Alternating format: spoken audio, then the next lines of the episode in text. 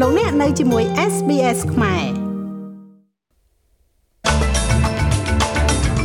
នាយករដ្ឋមន្ត្រីអូស្ត្រាលីនិងនូវែលសេឡង់ពិភាក្សាគ្នាអំពីបញ្ហាសន្តិសុខក្នុងតំបន់ការប្រែប្រួលអាកាសធាតុនិងការនិរទេសទុកស្វែងសុំសិទ្ធិជ្រកកោនទី2មកពីប្រទេសស្រីលង្កាដែលផ្ទុកបរិសុទ្ធ15នាក់ត្រូវបានស្ទាក់ចាប់ចេញពីឆ្នេរសមុទ្រអូស្ត្រាលីបរិសុទ្ធជនជាតិអង់គ្លេស2នាក់និងជនជាតិម៉ារ៉ុកម្នាក់ត្រូវបានកាត់ទោសប្រហារជីវិតដោយមន្ត្រីគាំទ្ររុស្ស៊ី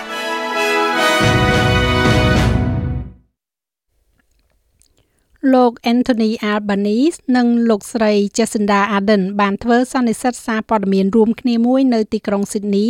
មុនពេលកិច្ចពិភាក្សាផ្លូវការនៅរសៀលថ្ងៃនេះដោយបង្ហាញពីការបដិញ្ញាចិត្តរួមគ្នា ចំពោះសន្តិសុខក្នុងតំបន់និងការដោះស្រាយបញ្ហាប្រែប្រួលអាកាសធាតុ។ លោកនាយករដ្ឋមន្ត្រី Albanese បានប្រាប់អ្នកសារព័ត៌មានថាលោកបានបដិញ្ញាចិត្តថានឹងយកទំនាក់ទំនងរវាងអូស្ត្រាលី និងនូវែលសេឡង់ទៅកាន់កម្រិតថ្មីមួយដោយបញ្ចូលនៅដំណាភាពនិងការគោរពនៅក្នុងវិធីដែលពួកគេធ្វើសកម្មភាពរួមគ្នាលើបញ្ហាអន្តរជាតិ Together we face global challenges of យើងរួមគ្នាប្រឈមមុខនឹងបញ្ហាប្រឈមជាសកលនៃការប្រែប្រួលអាកាសធាតុការបោកបក់ខាងផ្នែកសេដ្ឋកិច្ចស្ថានភាពក្នុងតំបន់ដែលកាន់តែអសន្តិសុខដែលយើងត្រូវដោះស្រាយជាមួយនឹងការប្រជួតប្រកួតប្រជែងជាយុទ្ធសាស្ត្រនៅក្នុងតំបន់ហើយយើងបដិញ្ញាចិត្តធ្វើការរួមគ្នាលើសន្តិសុខពិភពលោកប៉ុន្តែក៏ជាសន្តិសុខសេដ្ឋកិច្ចដែលប្រជាជនត្រូវការផងដែរ លោកស្រីនាយករដ្ឋមន្ត្រី Arden បានមានប្រសាសន៍ថាលោកស្រីរីករាយដែលបានមកបំពេញទស្សនកិច្ចនៅអូស្ត្រាលីភ្លាមភ្លាមបន្ទាប់ពីការបោះឆ្នោតសហព័ន្ធរួចលោកស្រីបានបន្ថែមថាកិច្ចពិភាក្សាជាមួយអូស្ត្រាលីគឺជាឱកាសមួយដើម្បីបន្តកិច្ចសហប្រតិបត្តិការលើបញ្ហាសំខាន់សំខាន់រួមទាំងការប្រែប្រួលអាកាសធាតុផងដែរ។ When I say that we are family, I mean it very sincerely. នៅពេលដែលខ្ញុំនិយាយថាយើងជាក្រុមគ្រួសារខ្ញុំមានន័យដោយស្មោះស្ម័គ្រហើយនៅក្នុងគំនិតរបស់ខ្ញុំការពិភាក្សាពិតជាតំណាងឲ្យឱកាសសម្រាប់ការកំណត់ឡើងវិញហើយខ្ញុំមានអារម្មណ៍បែបនោះនៅក្នុងការសន្ទនាដែលយើងមាននៅថ្ងៃនេះស្របពេលជាមួយគ្នានេះ នាយករដ្ឋមន្ត្រីទាំងពីររូបក៏បានពិភាក្សាគ្នាអំពីបញ្ហានៃការនិរទេសចេញនៅក្នុងអំឡុងពេលកិច្ចប្រជុំលើកដំបូងរបស់ពួកគេចាប់តាំងពីមេដឹកនាំអូស្ត្រាលីរូបនេះបានស្បត់ចូលកាន់តំណែងមកបញ្ហានេះបានคล้ายទៅជាចំណុចឈឺចាប់នៅក្នុងទំនាក់ទំនងរវាងអូស្ត្រាលីនិងនូវែលសេឡង់ដែលកើនឡើងបន្ទាប់ពីអតីតរដ្ឋមន្ត្រីក្រសួងមហាផ្ទៃដែលបច្ចុប្បន្នជាមេដឹកនាំបកប្រឆាំងគឺលោក Peter Dutton បានហៅការនិរទេសពលរដ្ឋនូវែលសេឡង់ចេញពីអូស្ត្រាលី ថាជាការយកសម្រាមចេញជំពូកទី501នៃច្បាប់អន្តោប្រវេសន៍អនុញ្ញាតឲ្យរដ្ឋាភិបាលសហព័ន្ធលុបចោលទឹកតការសម្រាប់អ្នកដែលមិនមែនជាពលរដ្ឋដែលត្រូវបានកាត់ទោសឲ្យជាប់ពន្ធនាគារលើសពី1ឆ្នាំប៉ុន្តែក្នុងករណីខ្លះអ្នកដែលបានត្រឡប់ទៅប្រទេសនូវែលសេឡង់វិញបានចំណាយពេលភាគច្រើនក្នុងជីវិតរបស់ពួកគេរស់នៅក្នុងប្រទេសអូស្ត្រាលី។ លោកស្រី Arden ធ្លាប់បានចោទប្រកាន់រដ្ឋាភិបាលអូស្ត្រាលីថាបាននិរទេសចេញនៅបញ្ហារបស់ខ្លួនហើយនៅថ្ងៃនេះលោកស្រីនាយករដ្ឋមន្ត្រីនូវែលសេឡង់បាននិយាយថាលោកស្រីគ្រាន់តែសុំឲ្យមានការពិចារណាឲ្យបានប្រសើរជាងនេះ។ New Zealand of course deports individuals who have been in New Zealand for ជាការប៉ុណ្ណាប្រទេសនូវែលសេឡង់នៃប្រទេសបុគ្គលដែលបានរស់នៅក្នុងប្រទេសនូវែលសេឡង់ក្នុងរយៈពេលខ្លីហើយបានប្រព្រឹត្តខុសពីការរំពឹងទុករបស់យើងចំពោះនរណាម្នាក់ដែលជ្រើសរើសឬក៏មានបំណងចង់ស្នាក់នៅក្នុងឋានៈជាអ្នកស្រុក ប៉ុន្តែមានបុគ្គលមួយចំនួនដែលកំពុងត្រូវបាននិរទេសចេញពីប្រទេសអូស្ត្រាលីគឺជាបុគ្គលដែលមានបំណងនិងគោលបំណងទាំងអស់ជាជនជាតិអូស្ត្រាលីជារឿយៗពួកគេមិនមានទំនាក់ទំនងជាមួយនឹងប្រទេសនូវែលសេឡង់ទេ ពេលខ្លះសូម្បីតែមិនធ្លាប់បានទៅជន់ទឹកដីនៅទីនោះផងនោះគឺជាកន្លែងដែលយើងស្នើសុំឲ្យមានការពិចារណាឡើងវិញលោក Anthony Albanese មានប្រសាសន៍ថាមាត្រាទី501នឹងនៅតែមាន ប៉ុន្តែរដ្ឋាភិបាលរបស់លោកនឹងពិចារណាអំពីរបៀបដែលវាត្រូវបានយកទៅអនុវត្តនាពេលអនាគត។មានសេចក្តីរាយការណ៍ថាទុកស្វែងសុំសិទ្ធិជ្រកកោនមួយគ្រឿងមកពីប្រទេសស្រីលង្កាដែលផ្ទុកបុរស15នាក់ត្រូវបានស្ទាក់ចាប់ចេញពីឆ្នេរសមុទ្រអូស្ត្រាលី វាគឺជាទុកទី2ហើយដែលបានមកដល់ដែនទឹកអូស្ត្រាលីក្នុងរយៈពេល1ខែចុងក្រោយនេះ កាសែតអូស្ត្រាលីរាយការណ៍ថាបរិសទាំងនោះត្រូវបានគេនាំយកមកលើច្រាំងនៅកោះ Christmas ហើយបានបញ្ជូនតាមជើងហោះហើរដែលជួលដោយរដ្ឋាភិបាលត្រឡប់ទៅទីក្រុង Colombo វិញ។រដ្ឋាភិបាលនិយាយថាគោលនយោបាយបញ្ជូនទុកត្រឡប់ទៅវិញមិនបានផ្លាស់ប្ដូរទេ ហើយរក្សាថាពួកគេនឹងបន្តរារាំងអ្នករត់ពន្ធមនុស្ស ប៉ុន្តែមេដឹកនាំបកប្រឆាំងនឹងជាអតីតរដ្ឋមន្ត្រីក្រសួងការពារជាតិលោក Peter Dutton បានប្រាប់សារព័ត៌មាន Nine News ថារដ្ឋារដ្ឋាភិបាលបាននឹងកំពុងផ្ញើសារចម្រុះលើគោលនយោបាយអន្តោប្រវេសន៍របស់ខ្លួន។ I hope that they don't change what we had in place because ខ្ញុំសង្ឃឹមថាពួកគេនឹងមិនផ្លាស់ប្ដូរអ្វីដែលយើងកំពុងតែអនុវត្តនោះទេពីព្រោះយើងបានយកកុមារទាំងអស់ចេញពីការឃុំឃាំងដែលប៉ា Labor បានដាក់ពួកគេចូលទៅ ពួកយើងបានបញ្ឈប់ទូកបញ្ឈប់ការលង់ទឹកស្លាប់នៅសមុទ្រហើយខ្ញុំមិនចង់ឃើញវាចាប់ផ្ដើមឡើងវិញនោះទេប៉ុន្តែក្រុមអ្នករត់ពន្ធមនុស្សបានដឹងថាក្រុមមនុស្សដូចគ្នានេះឥឡូវនេះស្ថិតនៅក្នុងជួររដ្ឋាភិបាលដែលបានធ្វើការសម្រេចចិត្តយ៉ាងអាក្រក់កាលពីមុនហើយនោះគឺជាអ្វីដែលពួកគេត្រូវច្បាមយកមក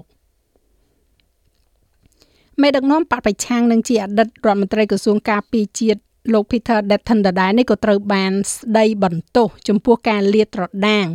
ដែលតាមធម្មតាជាការពិភាក្សាសម្ងាត់លើកិច្ចព្រមព្រៀងនាវាមុជទឹកតម្លៃរាប់ពាន់លានដុល្លាររបស់ប្រទេសនេះ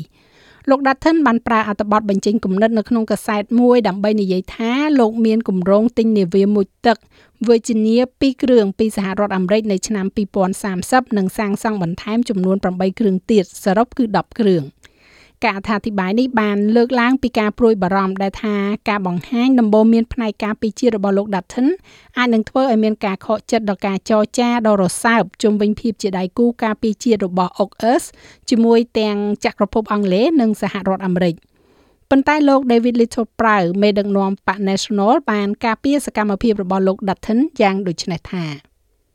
This is a beat up. I mean, let's be honest. The, the reality នេះគឺជាការរិះគន់ជ្រុលខ្ញុំចង់និយាយឲ្យត្រង់ទៅការពិតគឺយើងនឹងត្រូវទិញរបស់ទាំងនេះវានឹងចំណាយពេលយូរណាស់ក្នុងការសាងសង់ដូច្នេះហេតុអ្វីបានជាយើងមិនទិញ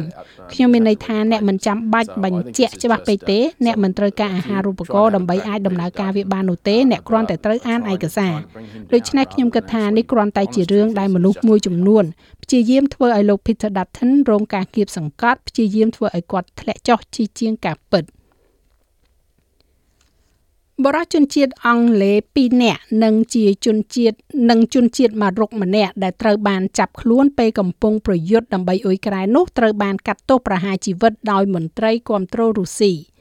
តុលាការមួយនៅភូមិខាងកើតអ៊ុយក្រែនដែលគ្រប់គ្រងដោយរុស្ស៊ីដែលអន្តរជាតិមិនទទួលស្គាល់នោះបានកាត់ទោសបរិស3នាក់នេះពីបទភេរវកម្ម ជនជាតិអង់គ្លេសទាំងពីរនាក់បានកំពុងបម្រើក្នុងកងម៉ារីនអ៊ុយក្រែនហើយត្រូវបានការពារដោយអនុសញ្ញាទីក្រុងហ្សឺណែវក្នុងនាមជាអ្នកទោសសង្គ្រាមប៉ុន្តែតុលាការបានផ្តន្ទាទោសពួកគេក្រោមបទចោទថាជាទាហានស៊ីឈ្នួលសេចក្តីសម្រេចនេះត្រូវបានថ្កោលទោសដោយមន្ត្រីអង់គ្លេសហើយសមាជិកសភាអភិរក្សលោក Robert Jenrick បានទាមទារឲ្យប្រធានាធិបតីរុស្ស៊ីលោក Vladimir Putin បញ្ចប់វិបត្តិនេះ។ If Vladimir Putin wanted to end this saga he could do ប្រសិនបើលោក Vladimir Putin ចង់បញ្ចប់រឿងនីតិនេះគាត់អាចធ្វើវាបាននៅថ្ងៃស្អែកអ្នកទាំងនេះគឺជាសហការីរបស់គាត់អ្នកដែលស្ថិតក្រោមការឧបត្ថម្ភរបស់គាត់គាត់អាចឈានជើងចូលនិងដោះស្រាយរឿងនេះបានវាជាមូលហេតុដែលខ្ញុំគិតថាយើងត្រូវផ្ដល់សារច្បាស់លាស់មួយទៅកាន់ឯកអគ្គរដ្ឋទូតរុស្ស៊ីថាយើងរំពឹងថារុស្ស៊ីនឹងគ្រប់គ្រងពលរដ្ឋអង់គ្លេសរបស់យើងនិងធានាថា ពួកគេត្រូវបានអនុវត្តស្របតាមច្បាប់អន្តរជាតិនៅក្នុងប្រទេសកម្ពុជាវិញកាលពីម្សិលមិញបានចាប់ផ្ដើមចាក់វ៉ាក់សាំងបង្ការជំងឺ Covid-19 ជូនដល់ក្រុមមន្ត្រីរដ្ឋាភិបាលនិងមន្ត្រីជួរមុខដែលជាក្រុមគោលដៅអតិភិបការចាក់វ៉ាក់សាំងដូសទី5នៅពេលនេះបានធ្វើឡើងខណៈដែលស្ថានភាពជំងឺ Covid-19 នៅកម្ពុជាលែងមានអ្នកឆ្លងនិងមិនមានអ្នកស្លាប់ប្រមាណជាមួយខែមកហើយ។ លោកស្រីវិជ្ជបណ្ឌិតអាវ៉ាន់ឌិនរដ្ឋលេខាធិការក្រសួងសុខាភិបាល បានបញ្ជាក់ថាការសម្រេចចាក់ដូសទី5នេះដើម្បីធានាឲ្យបាននៅការរក្សាអង្គទីគាការពារ COVID-19 នៅក្នុងសរីរាង្គរបស់ប្រជាពលរដ្ឋហើយវាគ្មានគ្រោះថ្នាក់នោះទេអឺវ៉ាក់សាំង COVID-19 នៅពេលដែលយើងទទួលឲ្យបានត្រឹមត្រូវទៅតាមវេនមានន័យថាទៅតាមថេរវេលាទៅតាមពេលវេលា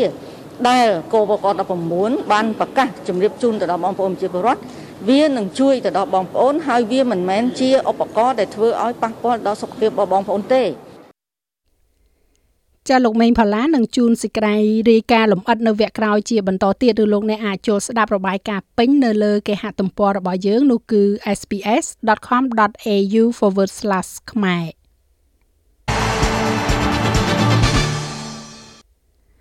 កីឡាករនីសែមឃាត្រូវបានផ្ដល់កិត្តិយសសម្រាប់រដូវកាលដ៏អស្ចារ្យរបស់នាងជាមួយនឹងពានរង្វាន់បាល់ទាត់ដ៏សំខាន់មួយផ្សេងទៀតដែលត្រូវបានបោះឆ្នោតដោយដៃគូកីឡាបាល់ទាត់អង់គ្លេសរបស់នាង ថាជាកីឡាករនីឆ្លើមឆ្នើមប្រចាំឆ្នាំ។ អ្នកនាងខៀគឺជាអ្នកឈ្នះរង្វាន់ Golden Boot សម្រាប់រដូវរងារួចទៅហើយក្នុងនាមជាអ្នកសុទ្ធបញ្ចូលទីច្រើនជាងគេនៅក្នុង Super League របស់នារី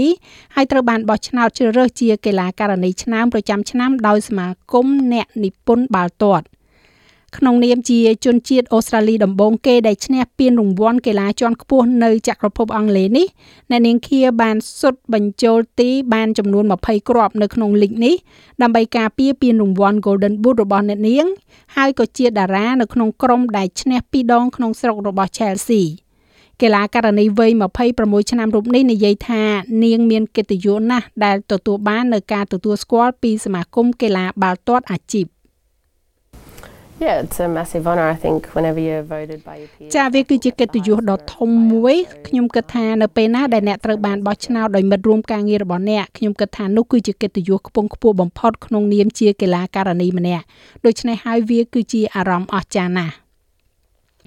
ចំណែកឯអត្រាប្តូរប្រាក់វិញនៅថ្ងៃនេះ1ដុល្លារអូស្ត្រាលីមានតម្លៃប្រមាណជា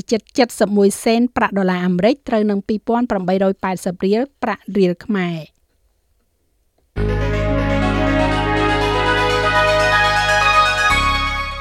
ឥឡូវយើងក៏លេខមើលការព្យាករណ៍អាកាសធាតុសម្រាប់ថ្ងៃសៅរ៍ស្អែកនេះវិញទីក្រុងផឺតរលឹម22អង្សា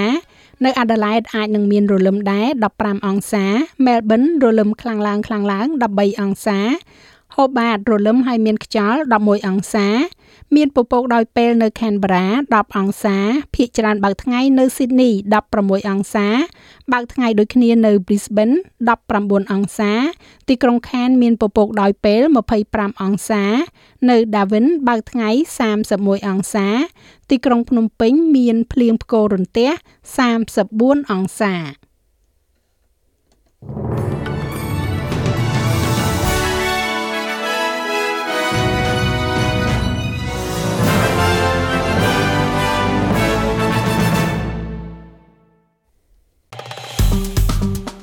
ច like share comment និង follow SPS ខ្មែរនៅលើ Facebook